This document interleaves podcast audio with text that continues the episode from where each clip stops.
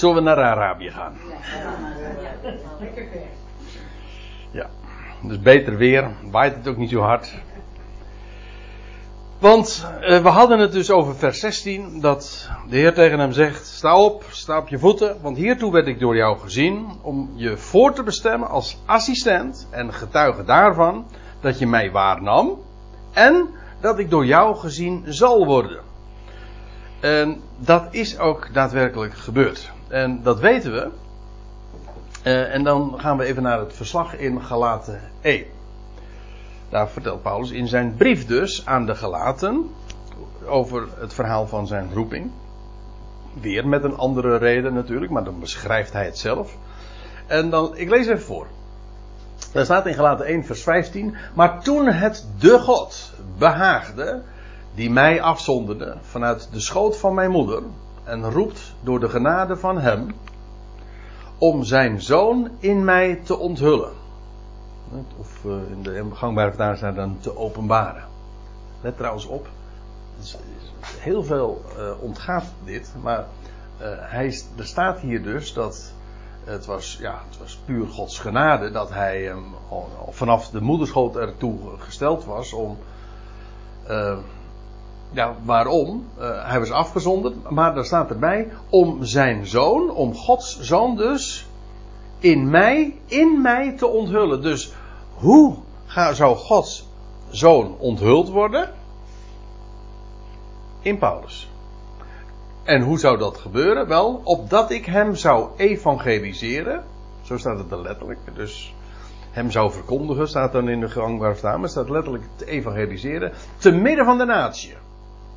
Dus God zou zijn zoon gaan in Paulus gaan onthullen. Hoe? Wel, door hem te, het evangelie te midden van de natie te laten prediken. Dus in Paulus wordt Christus onthuld. Maar let op.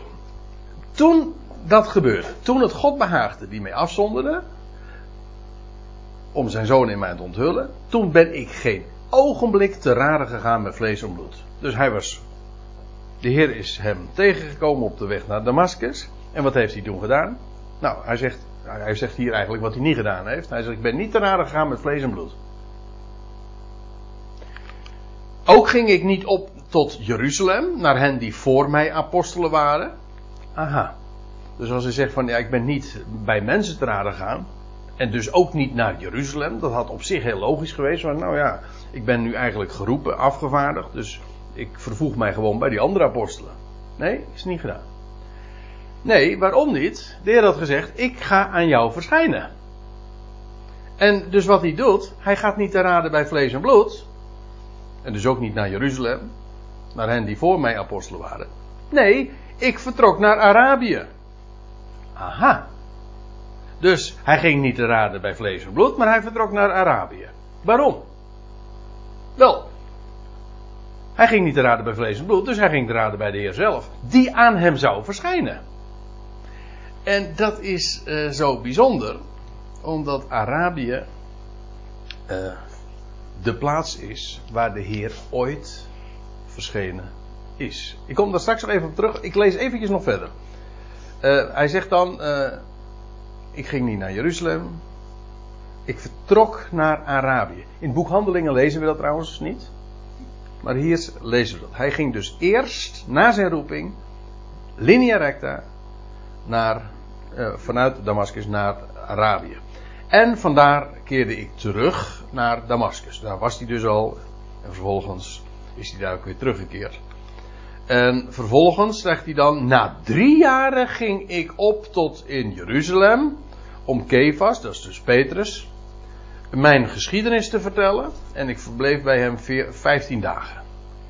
Dit vertelt hij allemaal zo om duidelijk te maken aan die gelaten dat de bediening van hem en het onderwijs dat hij geeft, dat hij dat niet heeft gekregen van de apostel of zo, of van anderen, van mensen. Nee, dat hij regelrecht door Jezus Christus zelf is onderwezen. En hij zegt, met Jeruzalem heb ik eigenlijk nooit wat te maken gehad. Hij zegt, ja, ik ben wel naar Jeruzalem gegaan. Maar dat was pas drie jaar later. En dat was al. En toen heb ik alleen maar. Ben ik bij Kefas geweest, bij Petrus. Niet om door Petrus onderwezen te worden. Maar om mijn geschiedenis aan hem te vertellen. Dus niet uh, door Petrus eh, geleerd te worden. Nee, ik heb Petrus wat te vertellen. Het is precies omgekeerd. En hij zegt, nou, ik verbleef uh, bij hem 15 dagen. Kun je aardig wat vertellen hoor. Toch? In uh, ruim 14 dagen. Twee weken. maar let even op. Ik, uh, hij, hij, was dus niet te raden gegaan bij vlees en bloed, maar hij is naar Arabië gegaan. En nou, dit is gelaten 1. Nou ga, neem ik u even mee naar gelaten 4. Want het woord Arabië vind je eigenlijk maar twee keer in het Nieuwe Testament. En in gelaten 4 wordt het weer genoemd. Ik ga er trouwens aankomende zondag in Urk over spreken. Over, deze, over dit Bijbelgedeelte. Maar dat even terzijde. Er staat, dan zegt Paulus, en Hagar. Paulus is eigenlijk uh, bezig met typologieën, laat hij zien. Hij zegt, Hagar, hij zegt, ja, dat is de berg Sinaï in Arabië. En dan zegt hij, ze staat op één lijn met het huidige Jeruzalem, want ze is met haar kinderen in slavernij. Nou, dat is een heel verhaal apart. Dat laat ik nu even liggen. Het gaat mij er even om. Uh, Hagar, uh, zegt Paulus, dat zij is de voorstelling van de berg Sinaï in Arabië. Aha, dat betekent dus, de berg Sinaï ligt in Arabië. Arabië is dus de landstreek waar de Heer ooit verschenen is aan het volk Israël, waar hij Mozes de wet heeft gegeven, via Mozes aan Israël de wet heeft gegeven. Dus Arabië is de landstreek waar de Heer ooit aan Mozes en aan Israël is verschenen. Dat is Arabië. Dus nu zijn wij 1500 jaar later en dan verschijnt de Heer aan Saulus. En hij roept, en hij roept hem en hij zegt van, maar je gaat me nog meer zien. En Paulus is meteen, uh, hij is niet te raden gegaan bij vlees en bloed, hij is naar Arabië gegaan. De plaats waar de Heer ooit eerder was verschenen. Namelijk aan het volk Israël, aan Mozes. En toen heeft, ja, toen heeft uh, de Heer aan Mozes zulke dingen ont, ont, onthuld. En via Mozes aan het volk Israël gegeven. En nu verschijnt de Heer aan Saulus en vervolgens onderwijst hij hem inderdaad in Arabië. Daar is Paulus dus naartoe, daar is Paulus toen naartoe gegaan. Of dat de enige gelegenheid is geweest en hoe lang dat geweest is, weten we niet. Nou, in ieder geval niet meer dan drie. Uh, uh, ja, in ieder geval niet meer dan drie jaar. Want drie jaar later is hij naar Jeruzalem gegaan. Misschien is het een jaar of misschien nog wel langer uh. Of twee, twee jaar, dat zou ook wel een mooie tijd zijn. Ik weet niet, dat staat er niet bij. Maar uh, in ieder geval, hij is door de Heer onderwezen. En daarom heeft Paulus zulke bijzondere openbaringen allemaal mogen optekenen en doorgeven. Hij heeft geheimenissen en verborgenheden doorgegeven rechtstreeks onderwezen door de Heer zelf. En daarvan mocht hij gaan spreken. Hij moest dus gaan spreken over die dingen die hij heeft waargenomen, maar die hij vervolgens ook nog uh, zou gaan zien en waarnemen. Namelijk van de Heer zelf. En daarom is hij niet te raden gegaan bij vlees en bloed. De Heer zelf zou hem onderwijzen. Dat is heel bijzonder. Want het, het, het stelt ook in het licht dat Paulus een hele bijzondere, apart gezette bediening heeft. Namelijk voor de natie. Nou. En nu pak ik de draad weer op in handelingen 26 vers 17. En, want de Heer zegt van, uh, ja, je gaat getuigen van het feit dat je mij gezien hebt, maar ook nog door mij gezien zal worden. Terwijl ik jou uittil vanuit het volk en vanuit de natie waarheen ik jou afvaardig. Uh, ik heb hier het woordje uittillen en dat is ook precies de letterlijke vertaling. In de MBG-vertaling wordt het vertaald met verkiezen. En het idee is dan vooral uh, van ja, uit, uitgekozen worden. Zoals Mini zojuist vertelde. Van, ja, je, je, wordt op een hele bijzondere manier uitgekozen. Hè? Nou, maar hier is de gedachte niet alleen maar van, van uh, apart stellen en, en uitgekozen, geselecteerd worden. Maar het is ook vooral, je wordt ja, ontheven aan. Of verheven uit. Kan ook. Uitgetild boven. uitgetild vanuit het volk en vanuit de natie. Hij krijgt dus een hele bijzondere bediening. Waarheen hij dan vervolgens ook inderdaad afgevaardigd wordt. Waarheen, dat verwijst dus naar de natieën en het volk. En Paulus is de apostel van de natieën.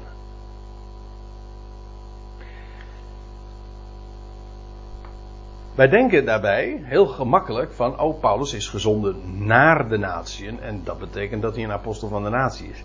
Maar dat is niet helemaal de gedachte. Het is wel waar hoor, hij is een leermeester eh, die gezonden wordt naar de natieën, maar hij is ook een apostel of een afgevaardigde van de natieën. Hij hoort bij de natieën. Hij is, en dat is de naam Paulus eigenlijk ook, hij is een heidense apostel. Hij is ook een Romein. Vergis je niet. We hebben dat uh, in de laatste hoofdstukken van, uh, nou ja, pakweg, handeling 21, 22, 23 gezien. Paulus, als hij daar in Jeruzalem gevangen wordt genomen, dan wordt vooral benadrukt, hij is een Romein. Nou, het Romeinse uh, burgerrecht. En als zodanig is hij dus een Romein die gezonden wordt naar het volk Israël. Hij, is een, hij hoort bij de natie. Hij is een heidens apostel en hij wordt afgevaardigd naar het volk. Dus het idee is niet zozeer, hier wordt een Joodse apostel naar de natie gebracht. Nee, hij is een apostel. Hij komt uit Tarsus. Hij had het Romeinse burgerrecht.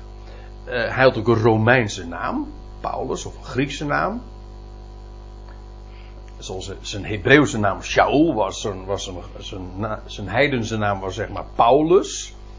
Nou, als zodanig wordt hij nu gezonden naar Israël, want hij, hij had Paulus, eh, pardon, hij had Israël een bijzondere boodschap te vertellen.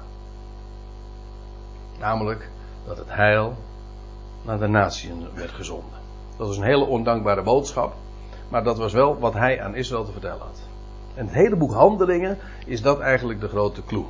Van, van als we Paulus' voetsporen zo volgen in het boek Handelingen, gaat er iedere keer om dat deze Romeinse, heidense apostel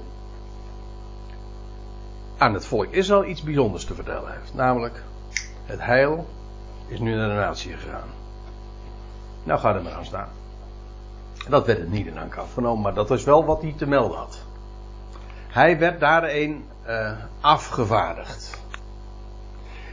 Dat dat zo inderdaad de gedachte is van de apostel van de natie, dat wil ik u laten zien aan de hand van Romeinen 11. En daar lezen we in vers 13, en ik zeg tegen jullie, de natieën, het wel, Paulus schrijft deze brief aan de Romeinen. Ik zeg tegen jullie, de natieën, in zoverre ik dan inderdaad de afgevaardigde, een apostel dus, van de natie ben, verheerlijk ik mijn bediening. Dat wil zeggen, ik maak mijn bediening heerlijk. Waarin? Of ik, op de een of andere manier, degene van mijn vlees, gewoon zijn, zijn volk, zijn familie, zijn verwanten naar het vlees, dat wil zeggen de Joden, jaloers zou kunnen maken en enigen uit hen zou kunnen redden. Paulus wist wel, het volk Israël komt niet tot bekering. Maar wat, waarin Paulus als apostel van de natie en zijn bediening heerlijk maakt, is dat hij juist als apostel van de natie zijn vlees jaloers maakt. Dat wil zeggen zijn volksgenoten, zijn verwanten naar het vlees. Nou, en dan volgt vers 15.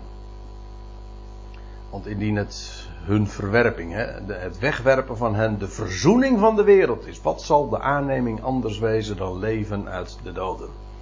Dus hij, praat dat in dat hele, hij plaatst dat in dat hele grote perspectief. Nu, Israël terzijde. Paulus moet dat ook aan Israël gaan vertellen. Hij zegt maar, het, het, feit dat Israël nu terzijde staat, dat betekent de verzoening van de wereld. Dat was zijn boodschap. De verzoening van de wereld. En als straks Israël weer aangenomen wordt, ja, dat is een leven uit de doden.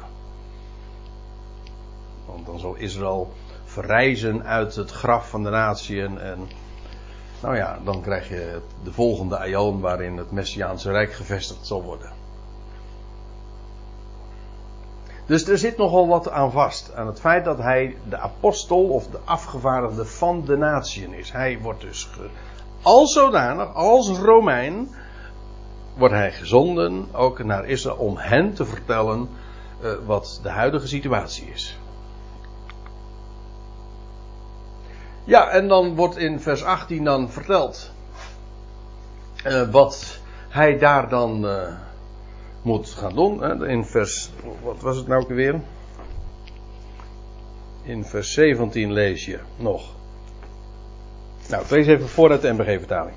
Richt u op, sta op uw voeten. Want hiertoe ben ik je verschenen om, eh, om u aan te wijzen als dienaar en getuige daarvan dat je mij gezien hebt. En dat ik aan u, aan u verschijnen zal. U uittillende uit dit volk en de heidenen waarheen ik jou zend. En dan staat er, waarom? Nou, om hun ogen te openen. Tot omkering vanaf de duisternis. Dus omkering vanaf de duisternis tot aan het licht. Dus ik neem dat woordje omkering heel letterlijk. Staat in de gemeeste vertaling staat hier gewoon bekeren. Maar eigenlijk bekeren is gewoon omkeren.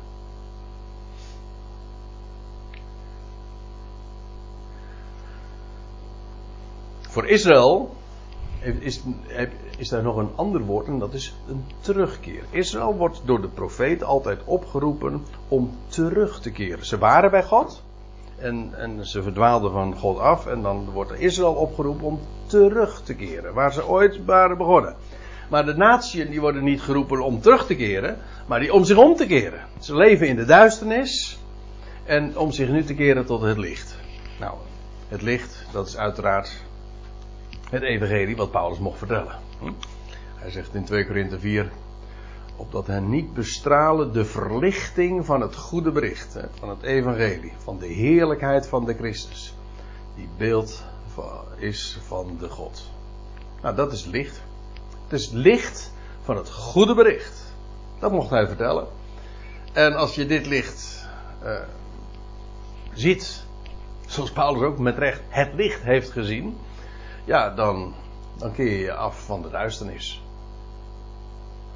De wereld wandelt in de duisternis en hoe was het ook alweer? Het volk dat in duisternis wandelt ziet een groot licht. En dat geldt nu ook. Ik denk er altijd aan, ja, feitelijk de hele wereld wandelt in de duisternis. Ze weten niet waar ze vandaan komen, ze weten niet waar ze naartoe gaan, ze hebben geen God.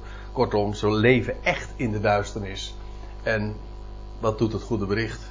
Ja, dat spreekt van de God. En van iemand die zijn icoon is, die, die God zichtbaar maakt. Die de dood over, overwint. Dat is, die dood is ook uiteindelijk de, dood, de duisternis van de dood. Het licht is het leven. Nou, om hun ogen te openen. Tot omkering vanaf de duisternis tot het licht. Eigenlijk uh, Saulus zelf was daar uh, een mooi embleem van. Want hij wordt geroepen. En zijn ogen worden inderdaad ook geopend.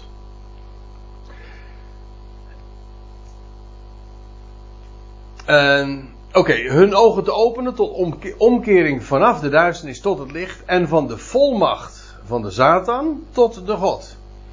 Kijk, wat je in dit vers ziet, is dat er een paar motieven genoemd worden wat, van waarom Paulus of Saulus geroepen wordt. Hij werd afgevaardigd naar de natieën en naar het volk Israël.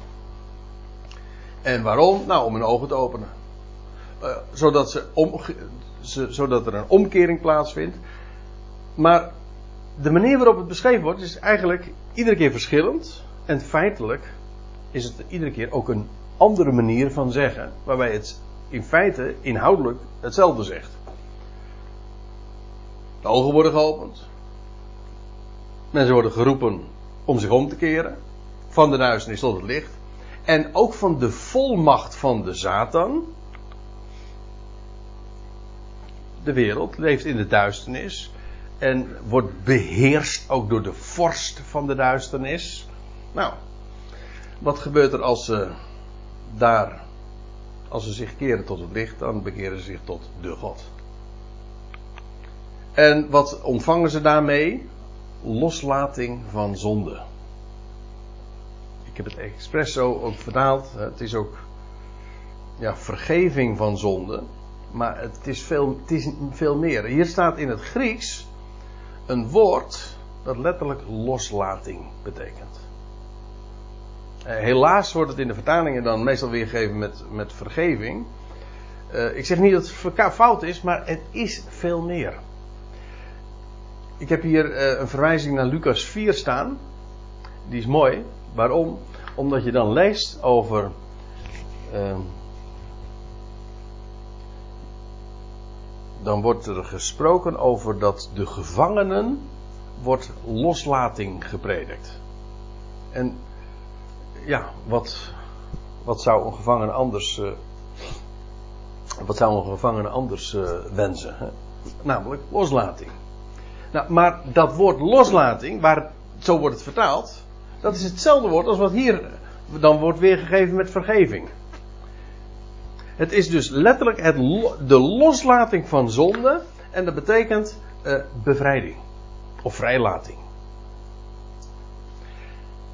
Ik vind het lastig om dat, uh, om dat goed uit te leggen, maar ik bedoel dit. Kijk, als je, zoals het altijd verteld wordt, van ja, wij ontvangen, als je gelooft, vergeving van zonde. Dan denk je aan het feit dat je verleden wordt je niet meer aangerekend, toch? Maar vrijlating van zonde is veel meer. Vrijlating van zonde is dat de zonden totaal geen punt meer zijn. Daar zijn wij van bevrijd. Dat uh, wordt meestal niet verteld. Ik had juist vanmorgen nog een gesprek. En uh, dat ging erover wat, hoe, hoe dat meestal dan uh, vanaf de kansel gepredikt wordt. In feite worden mensen altijd bepaald bij hun zonde. Altijd. En wordt ze vooral verteld hoe ze daar mee moeten dealen en over hoe uh, ze moeten hun best doen om, om zo weinig mogelijk te zonnen. Nou, u weet wel, dat is het hele idee van heiliging en dan vervolgens altijd weer daarover struikelen en tekortschieten. Maar een godganse leven, sorry dat ik het zo grof zeg, maar een godganse leven altijd maar de hele tijd in de, in de kerkbank zitten en een hele leven maar bezig zijn met, met de zonden waar men zo mee topt.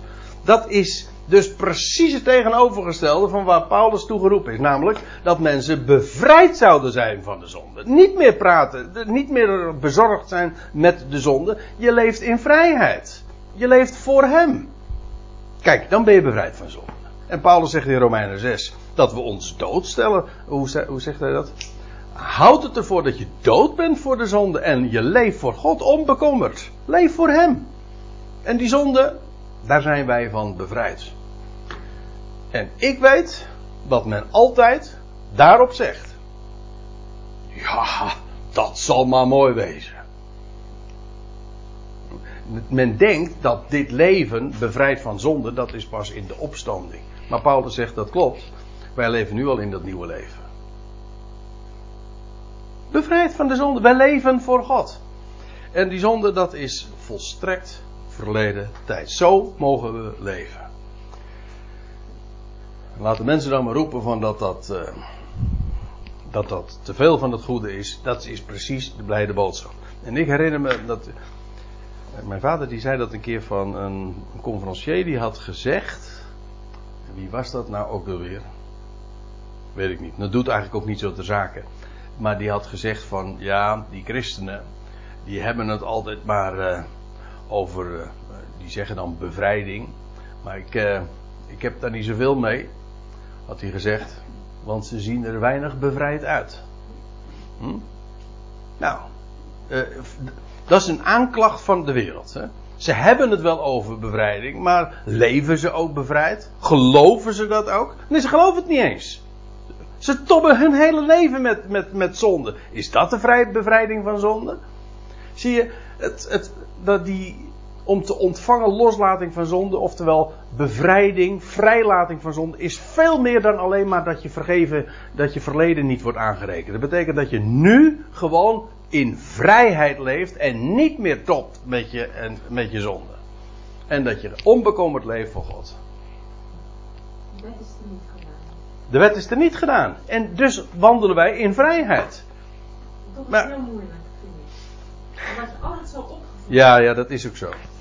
Ja, maar dat is in feite. Dikwijls eh, woordenwisselingen over. Ja, mag je dan altijd Ja. maar doen, ja. Ik vind het zo moeilijk. Dat is misschien ook wel de strijd. Want je, je leeft al, ook in, juist in godsdienstige sfeer, altijd maar. eh, wordt je het precies tegenovergestelde voorgehouden. En ja, weet je wel, van is alles dan geoorloofd? Ja, zeg maar, alles is geoorloofd. Ja, niet alles is nuttig. Niet alles bouwt op. En natuurlijk, het gaat erom dat we Hem verheerlijken in ons leven. Onbekommerd voor Hem leven. Maar niet dat tobben met zonde. Kom zeg. Ja. Leg die last gewoon weg. En leef in dat vrije zonlicht. Een open hemel. Een stralend perspectief. Dat is die bevrijding van zonde. Dat, en dat, daar hoef je niks voor te doen. Dat, dat wordt je gegeven. Zeg je dankjewel. En dat is een feit, hè? Dus dit is niet een ideaal waar naar we- moeten streven. Dit is, wij zijn bevrijd van zonde. Als je in Christus bent, dan is, dan ziet God ons volmaakt. En ja, je kan zeggen nou, dat geloof ik niet. Nou, dat geloof ik niet. Maar zo ziet God het. Nou, leef dan gewoon zo. Dat is je identiteit. En zo mag je leven. Ja, maar ik voel het niet. Wat heeft dat ermee te maken? Wat, wat zegt mijn gevoel over mijn identiteit? Ik heb, je hebt mensen die denken dat ze Napoleon zijn. ja. eh, zijn ze dat daarom? Ik, je ik ken ook eh, mensen. Ik kan wel denken van dat ik 25 ben. Hm? Ja, ben ik het daardoor 25? Nee, natuurlijk niet.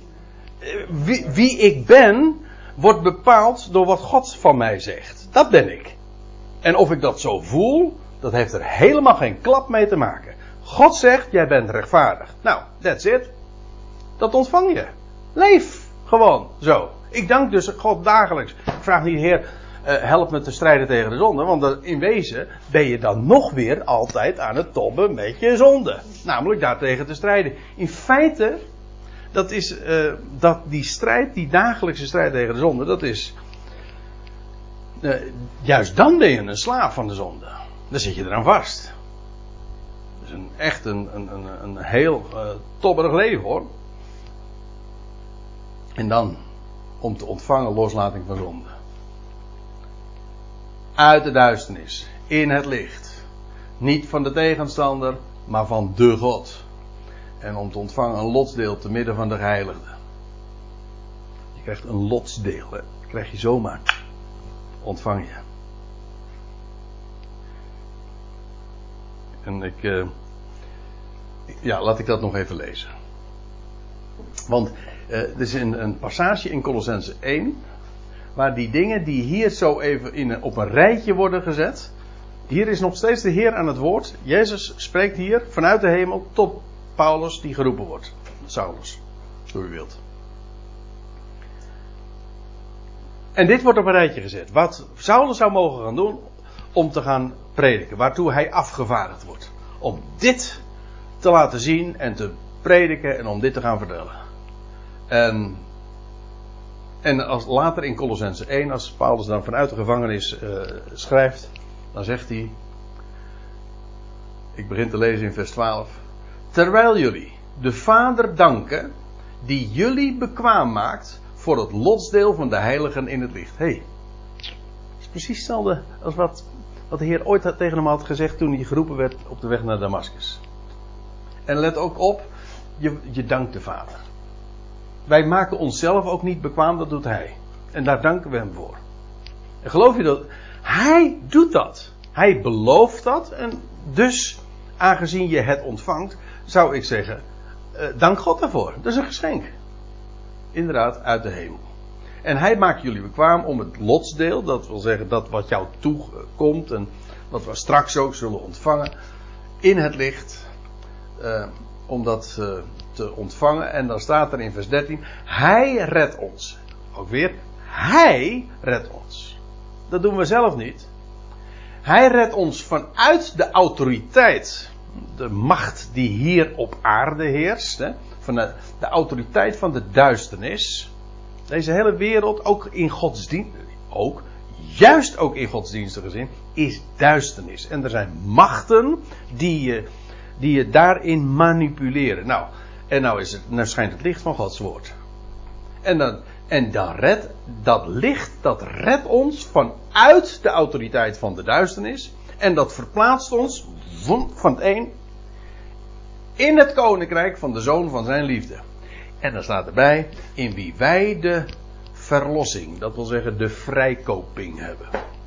De vrijlating van de zonde. En hier heb je weer diezelfde uitdrukking als waar we het net over hadden. Je gaat er niet omheen. Hij redt. Hij maakt bekwaam. Hij plaatst ons in het licht. En in hem hebben wij de verlossing. Dat is een feit. En dat is de vrijlating van zonde. Dat is ons bezit, ons geschenk. Nou, ik zou zeggen, pak het uit. Ontvang het. Geniet ervan. Leef eruit. Vertel het. Geef het door. Want het mooie is, dit is een cadeau. Dat geldt uh, voor, maar voor weinig cadeaus. Maar dit is het mooie van dit cadeau is, hoe meer je het geeft, hoe groter en heerlijker het wordt. Je raakt het niet kwijt als je het weggeeft. Integendeel, het wordt alleen maar meer.